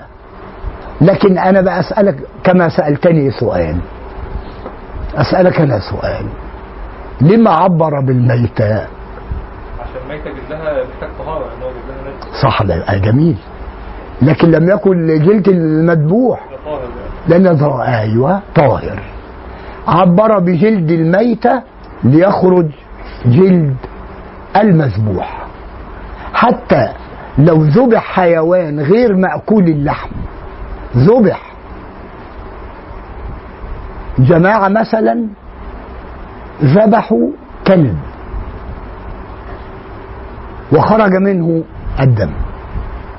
ما حكم الجلد؟ طاهر. أيوه الله يفتح عليك. لكن اللحم لا نجس لأنه غير مأكول اللحم. آه. شيخ صالح واحد فسر ال- ال- الخنزير نعم. عينه نجس. أيوه. كان يقصد به عينه آه ما هو طبعا جاهل باللغة. لكن في التوكيد حينما أقول جاء الأمير عينه يعني نفسه. هو هو آه نفسه وعينه. صح. وبالحكمية كالتتريب أصل كان في بالمناسبة آه لجنة جاءت زمان بالأوقاف فيها المسؤولين كلهم. فوجدوا الإمام بتاع المسجد بيدي درس. فقال للناس آه سيدنا عاد وسيدنا ثمود. في أثناء الدرس يعني. فناقشوه قالوا لا عاد قبيلة كافرة. أرسل الله إليهم من؟ نبيه هود وثمود. أرسل الله إليهم نبيه صالح. صالح فقال لا هذا ما تعلمناه في الأزهر. فقالوا له ما أجهلك؟ أنت يذهب بك وتوضع في مسجد في وسط المقابر حتى لا يصلي معك أحد لأنك تضلل الناس. فسأله واحد آخر ما حكم آه لحم الخنزير؟ قال لا الخنزير نجس العين عينه نجسة لكن جسمه طاهر وهذا خطأ. مش كده برضو؟ لكن نجس العين يعني نجس الإيه؟ الذات. أهي. نعم. وبالحكمية كالتتريب والتشميس إلا جلد الخنزير والآدمي. الآدمي لكرامته. يعني مثلا لو جماعة بيأكلوا لحوم البشر والعياذ بالله وأخذوا جلد لإنسان ودبغوه طاهر؟ لا لكرامته. الله تعالى يقول ولقد كرمنا بني آدم. يبقى الخنزير لأنه نجس العين والآدمي لكرامته. نعم. وتطهر الزكاة الشرعية جلد غير المأكول دون لحمه على على أصح ما يفتى به. آه رأي جميل جدا. الزكاة الذبح يعني. الذبح للحيوان يطهر الجلد. ولو كان غير مأكول اللحم. أما اللحم فنجس. لأنه ليس بمأكول. وأما ذبح الحيوان الذي يؤكل لحمه إذا فالذبح مطهر للجلد ومطهر للحم. آه الرأي الذي يعمل به في المذهب. آه يعني الرأي الذي يفتى به والمعمول به. نعم. وكل شيء لا يسري فيه الدم لا ينجس بالموت كالشعر والريش المجزوز والقرن والحافر والعظم. كل به دسم. الله يفتح عليك. كل شيء لا يسري فيه الدم يعد طاهر. وأتى بأمثلة كالشعر يعني لو أخذت شعر من خروف بعد موته اللي هو الصوف وليس فيه أثر دم فما حكمه؟ طاهر. الريش. لو أخذنا ريش من نسر بشرط ألا يكون فيه أثر دم طاهر الحافر الحافر يكون للخيل والبغال والحمير الحافر الذي يقص من رجل الفرس ما حكمه؟ طاهر. الحافر ممكن يتخذ في بعض الصناعات بشرط طاهر بشرط الا يكون فيه أثر دم. آه كل ما خلا من الدم يعد طاهرا كالريش الشعر الصوف الحافر. تفهمنا؟ والعصب نجس في الصحيح. ما معنى العصب؟ العصب آه مثلا أخذ ذيل الحيوان بعد موته. الذيل ذيل مثلا البقر ذيل مثلا أي حيوان أو العروق فيها دم فهي ناجسة. هذه الأشياء لكن لو ذبحت لو ذبح الحيوان فالعصب أو العروق طاهرة. لا المنجس فيها الدم. فالحيوان إذا مات هذه الأشياء فيها دم صح؟ تطهر. آه تعتبر نجسة ولا طاهرة؟ تطهر. لا بعد موت الحيوان. طاهرة.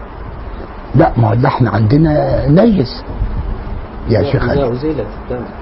ما هو إذا أزيل الدم تطهر لكن متى يزال الدم؟ بالذبح أو بالذبح نعم. ونافجة المسك طاهرة كالمسك وأكله حلال. شيء جميل. ال- الواقع في الغزال أتعرفون الغزال؟ تجد في جزء في بطن الغزال كيس مثلا فيه شيء من الدم. هذا الدم إن جف يتحول إلى مسك.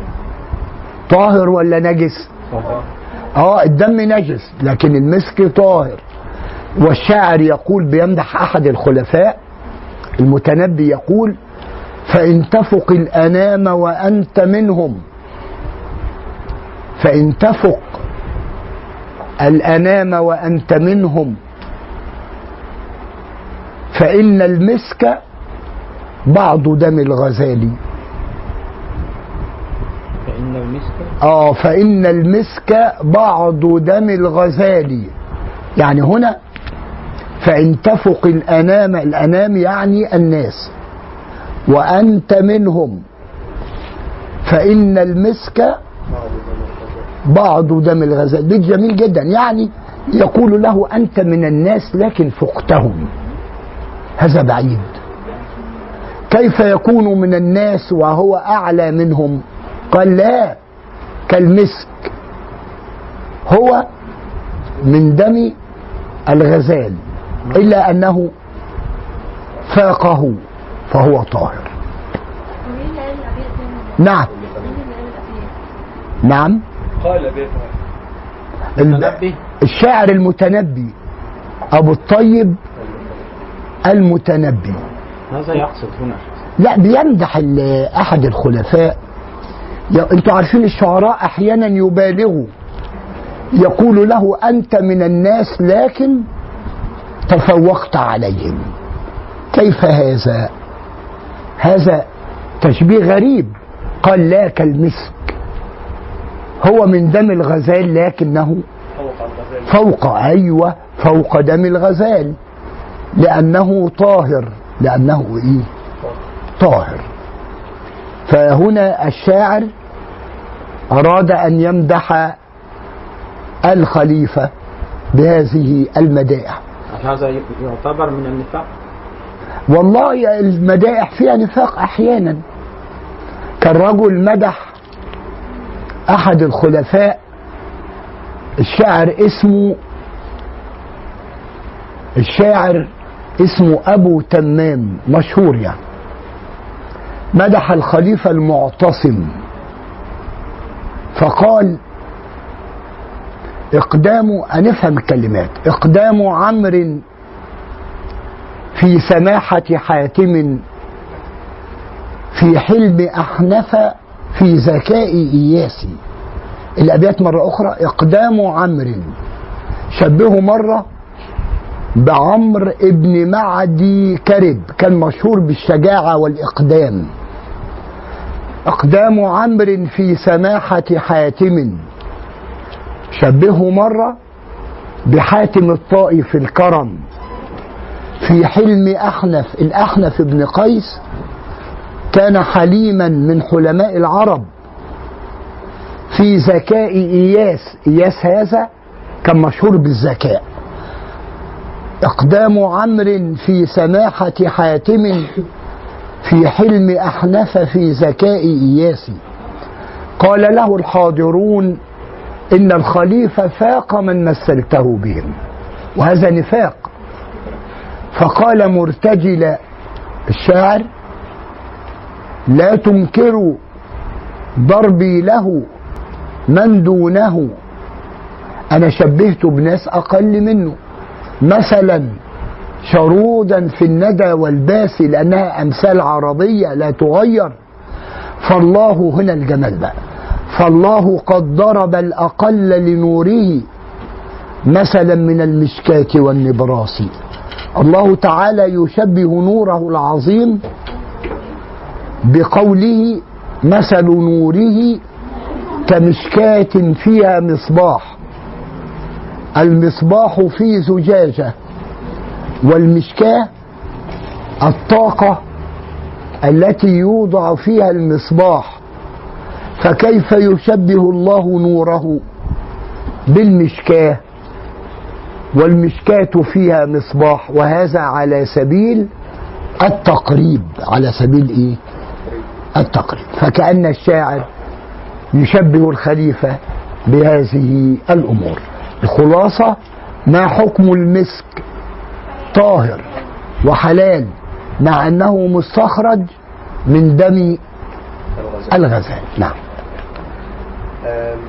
والزباد طاهر تصح صلاة بطيب به. الزباد يعني إيه؟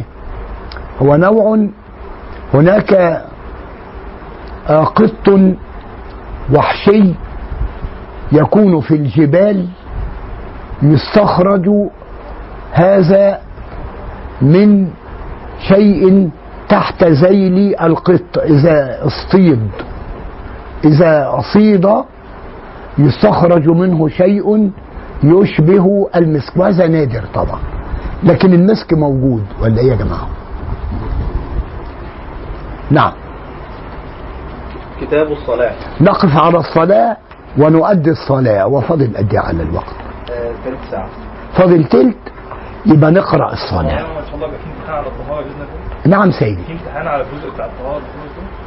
والله ان شاء الله يعني أنا لا ادري بس هو غالبا بيكون في امتحان مش كده برضه إن شاء الله. وأنتم كلكم في تفوق. والله ان شاء الله.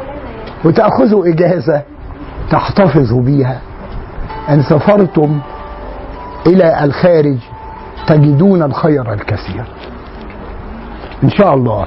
نكتب إجازة في النهاية وقرأنا هذا الكتاب على آه شيخ كبير ابن شيخ الإسلام اسمه الشيخ المراغي. نقرأ إن شاء الله. كتاب الصلاة. الصلاة. نعم. يشترط لفرضيتها ثلاثة أشياء. نعم. الإسلام والبلوغ والعقل. كلام معروف طبعا. المصلي لابد أن يكون مسلم بالغ عاقل. اذا غير المسلم مش م... ليس مطالب بالصلاة. إلا إذا اعتنق الإسلام. يبقى لابد من البلوغ الإسلام البلوغ العقل. المجنون غير مطالب بالصلاة. وتؤمر بها الأولاد لسبع سنين وتضرب عليها لعشر لعشر بيد لا بخشب شيء جميل.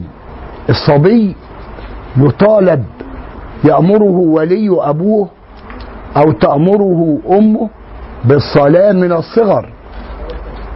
إذا بلغ سبع سنين تدل على الصلاة. فإن تأخر بعد ذلك ووصل عشر سنين يضرب يضربه وليه لكن ضرب خفيف يخوفه. من باب الزجر. من باب الزجر بيد. لا بخشب لا بخشبة. هل يأتي بخشبة ويضرب الولد؟ لا. وإنما يضربه ضربا خفيفا بيده حتى يخاف ويتعود على الصلاة. حتى قال هنا ضرب زاجر ليس ضرب اليد. يعني. صح صح. على سبيل التخلف نعم. وأسبابها وأسباب وأسبابها أوقاتها وتجب بأول الوقت وجوبا موسعا. أسباب الصلاة أوقاتها. أذن العصر وجبت علينا الصلاة. ال... نعم سيدي. يعني أسبابها أوقاتها يعني؟ نعم. ما معنى اللفظ وأسبابها دخول. آه. أوقاتها. آه الله يفتح عليك. يعني أسباب وجوب الصلاة دخول الوقت. آه بالظبط أيوه بالظبط هذا لكن يا جماعة في أول الوقت الوقت يكون فيه اتساع. لكن في آخر الوقت تجب وجوبا محتما. أول الوقت الآن العصر اذن ممكن نؤخر العصر قليلا. صح ولا يا جماعة؟ لأن في اتساع في الوقت. قليلا دي قد إيه بقى؟ نعم؟ قليلا دي. مدتها قد إيه قليلا؟ لا لا يعني الوقت اللي هو آه، بعد ذلك ممكن تؤدي العصر. وقت الفرح. الله يفتح عليك بس. انت اجبت اجابة جميلة جدا. قبل وقت الكراهه لكن الآن هل يتحتم عليك الآن لابد أن تصلي العصر؟ لا في فرصة. ممكن تتوضأ صح ولا إيه؟ آه وهكذا. نعم. والأوقات خمسة.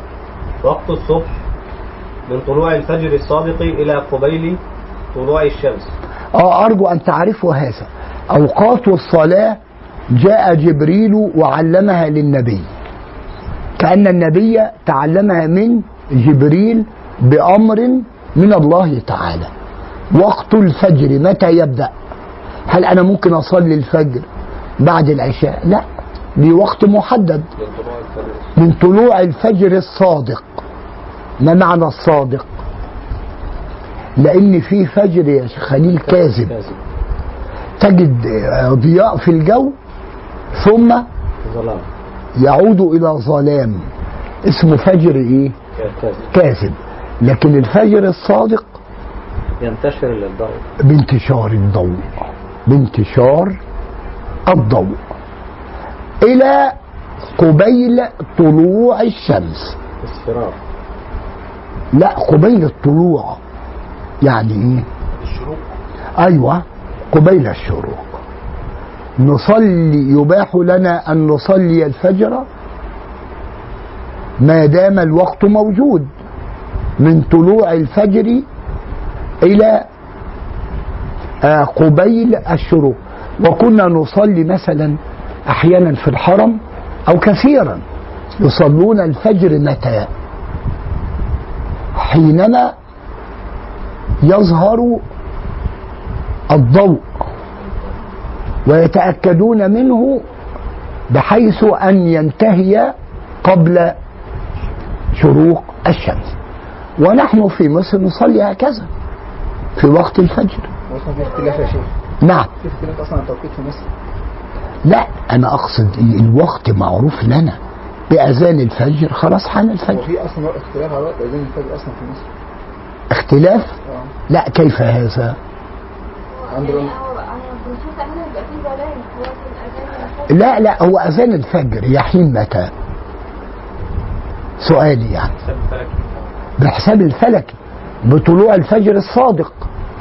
حسب بيحسبوها هم العلماء هم اللي حاسبينها. حسبنا أيوه أيوه الخبرة. نعم يا شيخ خليل. عند أهل الخبرة. أهل الخبرة صح. لكن هل الأذان عندنا صحيح ولا غير؟ أذان الفجر. الاختلاف في وقت الصلاه ذات نفسها يا شيخ. لا كيف هذا اختلاف الوقت؟ اختلاف وقت الصلاة الصلاه بتصلي في وقت الظلام أصلا. لا لا يا سيدي لا يا سيدي. الفجر يؤذن في مصر. أذان الفجر صحيح ولا غير؟ لا أذان الفجر الآن. نحن نصلي على الأذان.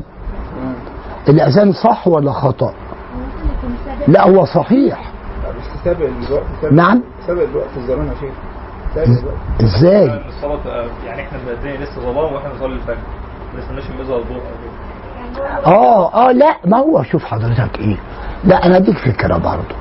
أنا أرى إن هم في ال- الجماعة في السعودية فيهم برضه نوع من التشديد. لأن طالما تأكدت فلكيا من آه وقت الأذان يبقى اذا يباح لك أن تصلي. لا انتظر. يعني أنا العبرة عندي بالأذان مش بانتشار العبرة بالأذان. لكن هو مؤكد بيؤذن على طلوع الفجر الصادق. هل أنت بعد الأذان سؤال بتجد ظلام مرة أخرى؟ لا بعد الأذان. نعم؟ ما هو موجود يا سيدي بس لغايه ما هناك إيه؟ هل الظلام ده يعقبه ضوء ولا ظلام بس. لا يعقبه ضوء يعقوب مؤكد ضوء بعد ساعة بالظبط. آه بالظبط. بالظبط. يبقى آه يبقى حان الوقت. لن نشدد على الناس. يعني أسألك سؤال. الناس خرجوا للمساجد بعد أذان الفجر ليصلي هل ننتظر بهم ساعة ثم نصلي أصل في ذلك تجديد هو ليه يا الأذان ما نعم. ليه ليه الاذان ما تاخرش نفسه جاش. لا لا لا مش لازم ما هو أصلا أنا لسه. لا هو بيؤذن أذان بناء على القواعد الفلكية هب إنك أنت صائم وأذن المغرب في مصر يباح لك الإفطار ولا لا يباح؟ آه يباح. القواعد الفلكيه دي قائمة عليها أصلا لا قا... لا قائمة على أسس سليمة لأن هو الواقع. لكن بشرط لا تؤذن للفجر قبل أن يحين الوقت بساعة أو بنصف ساعة. يبقى مخالف أيضا. ما هو قبل كده كان الفجر يجي آه. 3 ونص. آه. كان بيدن 3 ونص وخلص خلص الساعة 4 آه. تمام؟ كان لسه أصلا الوقت ده كله ظلام.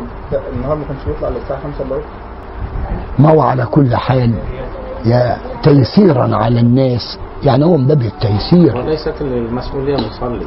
آه هو المؤذن. ال- المسؤولية تقع على ال- يعني اللي هو بايه على أهل الخبرة. فجر فجر الساعة الرابعة والربع الشروق ستة إلا ربع. آه. ده تقريبا وقت مناسب لظهور الشمس يعني. يعني آه. بعد ساعة بنكون إحنا صلينا. آه بس ما صل يعني أنا أسألك سؤال. هل صلينا في مصر الفجر؟ ثم استمرت الظلمه وجاء بعدها ضياء ثم ظلمه لا ما ده برضه يعني تخفيف على الناس. بدل ما تنتظر ساعات في المسجد لا. أباح الله لك الإيه؟ قديما هذا كان في الأرياف. آه. آه لكن في القرى تعرف بيعرفوا وقت الفجر بالنظر. بالنظر. وقت الظهر بالنظر. يبقى المهم متى يبدأ وقت الفجر؟ من الفجر الصادق إلى آه، قبيل طلوع الشمس يعني يا شيخ إحنا المفروض نمشي على الكلام اللي الإمام قايله في الكتاب ولا نمشي على الأذان اللي هو؟ لا كله صح طالما طلع الفجر الصادق لا نجد بعده ما المراد بالضوء يعني انتشار الضوء ده آه انتشار الضوء؟ نعم يعني انتشار الضوء اللي هو بداية وقت الصلاة البداية أيوه تمام، أنا انتشار الضوء في. الأفق. يعني الضوء ده في الأفق بحيث لا يعقبه ظلمة. بس. يعني يكون في ضوء واضح. يعني واضح. صالح هذه الأحكام يرجع لا، هذه- إلى إلى الإفتاء والمسؤولين. آه وهذه الأحكام تقع على لا تقع على الفقهاء. آه بالظبط لكن نحن نحن ندرسها كال... كال... نلتزم. آه نحن نلتزم. ندرسها كالفهم. لا أنتوا فاهمينها الأول يعني؟ هو أنا عايزة أفهم آه. دي علشان يعني بغض النظر إن أنا مش هيبقى عليا شيء لو أنا اتبعت الأذان يعني. لا أنت اتبع الأذان. فانت تتبع الأذان بس. اتبع الأذان وصلي. أذان الإذاعة مثلا. وإحنا ملناش أصلا إن إحنا الافتاءات المحطوطه لأن إحنا لسه طلاب علم. لا ما الفقهاء يعني نحن ليس لسنا أهل للاجتهاد. الفقهاء جعلوا وقت معين. من كذا إلى كذا. أنا ألتزم بهذا الوقت. وكلنا يعني حتى شيوخنا الكبار يصلون الفجر عند الأذان. لو كنت أنا وحدي في القرى ممكن أجتهد. على حسب الكتاب. تجتهد. لكن, لكن كان إذاعة وكل ما يعني أئمة كبار يصلون الفجر في هذا الوقت. فهل صلاتهم بطلة؟ لا. آه. بعد الشروق بقى قضاء. لا قضاء. نعم قضاء. قضاء. نعم نعم اتفضل. في شيخ كان في كنت درست قبل كده نعم مواعيد العصر عند الأحناف مختلفة. يعني ما بيصلوش العصر بيصلوه ما هنبين هذا. لا انت عرفت وقت الفجر الأول؟ بعد ذلك وقت الايه الظهر. متى يبدأ ومتى ينتهي؟ وقت الظهر من زوال الشمس إلى أن يصير ظل كل شيء مثليه. الآن الساعة تغني يعني أو التوقيت معروف لكن هو متى يبدأ وقت الظهر؟ من زوال الشمس؟ من زو... ما معنى الزوال؟ لا يعني برضو إيه؟ لا الزوال يعني إن الشمس تميل آه جهة الغرب المغرب يعني الغرب. يبقى الزوال الميل. أنت قارن بين وقت الظهر والساعة الحادية عشرة صباحا. الظهر على الثانية عشرة إلا كذا. قارن. الأحكام يعني هذه الأحكام ممكن للمسافر أو كان وحده يجتهد. بس لكن المسافر. مسؤولية على آه الكبار. المسافر المسؤولية على الكبار صح.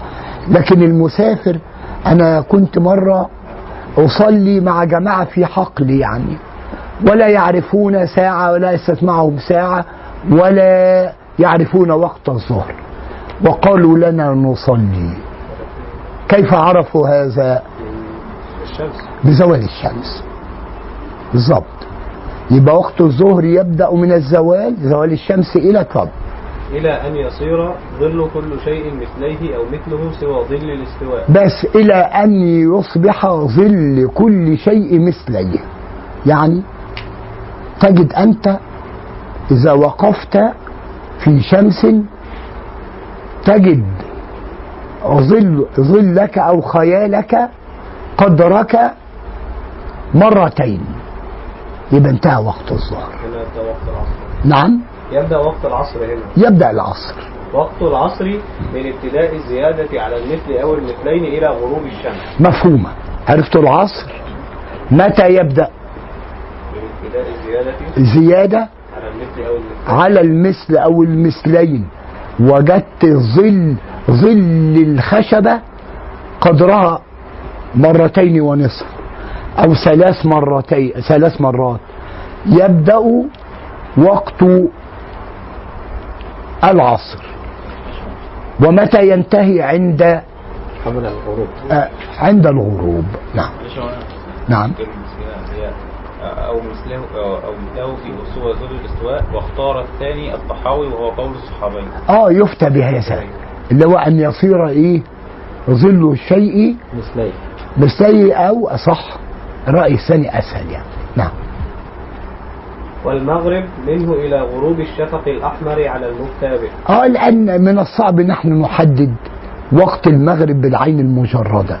لكن متى يبدأ؟ من إلى من الغروب إلى إلى الظلام. الشفق. لا إلى غياب الشفق الشفق الأحمر عبارة عن إيه؟ أتعرفون؟ الشفق انعكاس قرص الشمس على لون السماء أو الصبح أو مسائل فلكية يعني الشفق الأحمر إذا غاب من السماء تأكد خرج وقت المغرب. الشفق الأحمر إذا غاب دخل وقت العشاء. نعم. والعشاء والوتر والوتر منه إلى الصبح. متى يبدأ وقت العشاء؟ من غروب الشفق الأحمر أيوة إلى وقت الفجر الصادق كما قلنا مفهوم هذا؟ وقت العشاء نعم ينتهي بعد وقت مثلا أذان المغرب بحوالي ست ساعات يعني على المغرب بيأذن ثلث الساعة الليل. 6 بعد. مثلا أقصى لحد حاجة ثلث منتصف الليل. الليل. لا ده يستحب يعني إنه يصلي العشاء في ثلث الليل إن كان يثق في الجماعة يعني لكن هو متى يبدأ يعني ثلث الليل مستحب فقط. لكن ليس بلازم. نحن نصلي العشاء بدخول الوقت. الصحابة تأخروا بعد ذلك. ممكن. ممكن. يصلي في ثلث الليل ويؤخر الوتر بعد العشاء. لكن لا يؤخرها إلى طلوع الفجر. لا الفجر الصادق ولا يقدم الوتر على العشاء للترتيب اللازم ومن و- لم يجد أيوة. وقتهما لم يجب عليه. ومن لم يجد؟ وقتهما.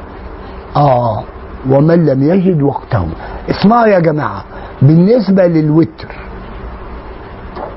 المفروض يؤخر عن العشاء ولا يقدم الوتر على العشاء. وفي الحديث إن الله زادكم صلاة إلى صلاتكم. ألا وهي الوتر فحافظوا عليها. إن الله وتر يحب الوتر. فمتى يصلي الوتر؟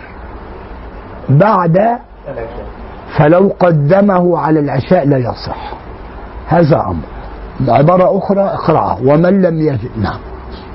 ومن لم يجد وقتهما لم يجبا عليه. ومن لم يجد وقتهما ما معنى هذا؟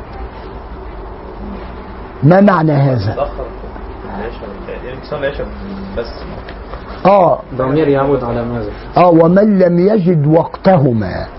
لا يعني التبس عليه الوقت. لم يتيقن من وقت العشاء. أيصلي ولا ينتظر حتى يتيقن؟ من لم يجد وقتهما لم يجب عليه. يعني لا يصلي إلا إذا تيقن من الوقت. مفهومة طبعا. لم يجب عليه دي لازم يتوقف آه صح. الذي لم يتيقن لم يجب عليه إلا إذا تيقن. بعد هذا ولا يجمع بين فرضين في وقت لعذر إلا في عرفة للحاج. آه يعني نحن في عرفة مثلا نصلي ال- العصر مع الظهر مش كده برضه صح؟ جمع إيه يا شيخ خليل؟ تقديم. والمغرب مع العشاء. جمع تأخير. في عرفة فقط. لكن عندنا لا يصح له أن يجمع بين وقتين. بشرط الإمام الأعظم والإحرام صح. فيجمع بين الظهر والعصر جمع تقديم. أيوة كما بينا. نعم. شايف ان إحنا نعم. ممكن نعمل كده؟ نعم. السفر بنعمل كده؟ لا ما هو لا يجمع بين الوقتين. عند الأحناف. عند الأحناف. لا بس هو فيها اختلاف يا شيخ. نعم. في الأسر بيجمع يا شيخ. في إيه يا سيدي؟ الأسر. في الحرب يعني؟ آه في الأسر في الأسر. لا ده شيء آخر. لكن أنا بقول إيه؟ وربما في بعض المذاهب لكن على كل حال لا تجمع بين وقتين. إلا في الغاي وفي البقوع بعرفة. تصلي العشاء في وقت المغرب؟ ولا المغرب في وقت العشاء أظن. آه وتصلي العصر في وقت الظهر. نعم. يعني المسافر ما يجمعش لا لا يجمع. لا يجمع. لا لا يجمع. أيوه أيوه أيوه. ما يقصرش ولا برضه ولا ممكن لا القصر شيء آخر. آه. قصر لسه سنأتي. نتكلم. على عنه. الظهر مع العصر. سيأتي. آه. نعم. الظهر مع العصر لا يجمع عند الأحناف. أيوه صح. إلا إلا في العرفة. في عرفة يصلي ال- العصر متى؟ نعم. في وقت العصر في وقت ال- الظهر. وقصرا. ما معنى قصرا؟ لا مع القصر. يصلي الظهر كم ركعة؟ ركعتين. والعصر كذلك. ويجمع بين المغرب والعشاء جمع تأخير بمزدلفة. جمع تأخير بمزدلفة. نعم. ولم تجز المغرب في طريق مزدلفة. آه يعني وهو في المزدلفة. ممكن يصلي المغرب وهو في الطريق. لا. يؤخر المغرب إلى وقت العشاء حتى يصلي ذلك في مزدلفة. ويستحب الأسفار بالفجر للرجال والإبراد بالظهر في الصيف وتعجيله في الشتاء. آه نعم. يستحب الإسفار نعم.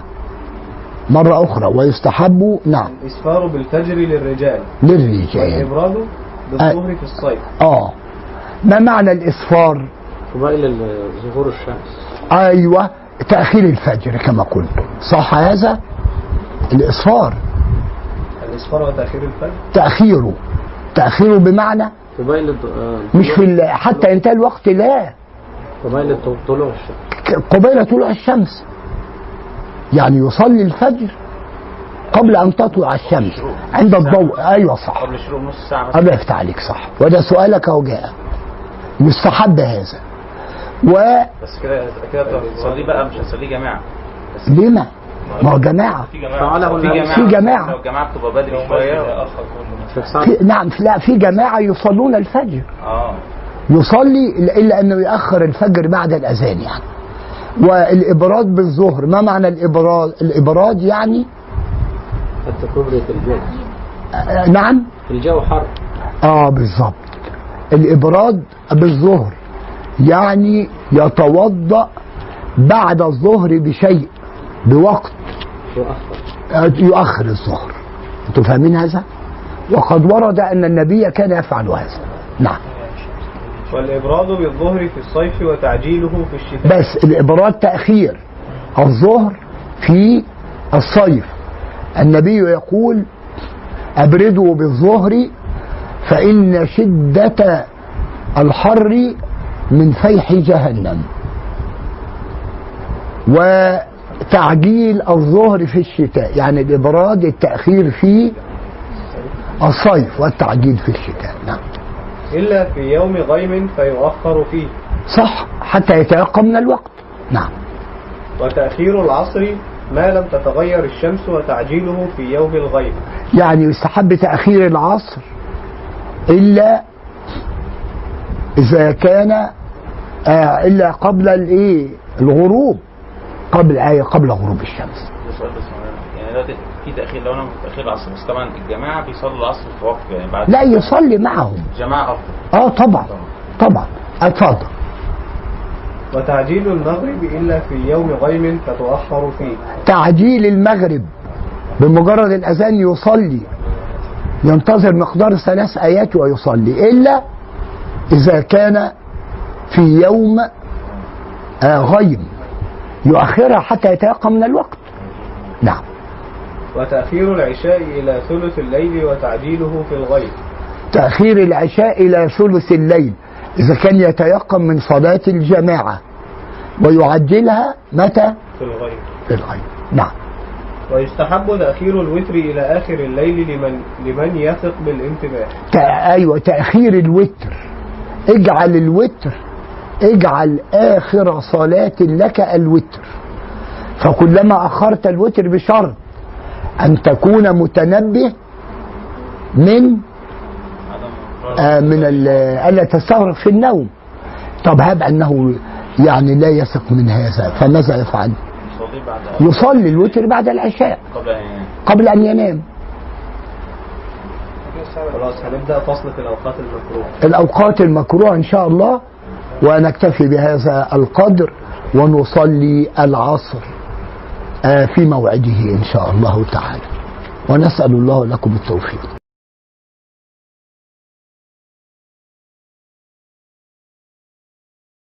هو الذي بعث في الأميين رسولا منهم يتلو عليهم آياته ويزكيهم ويعلمهم الكتاب والحكمة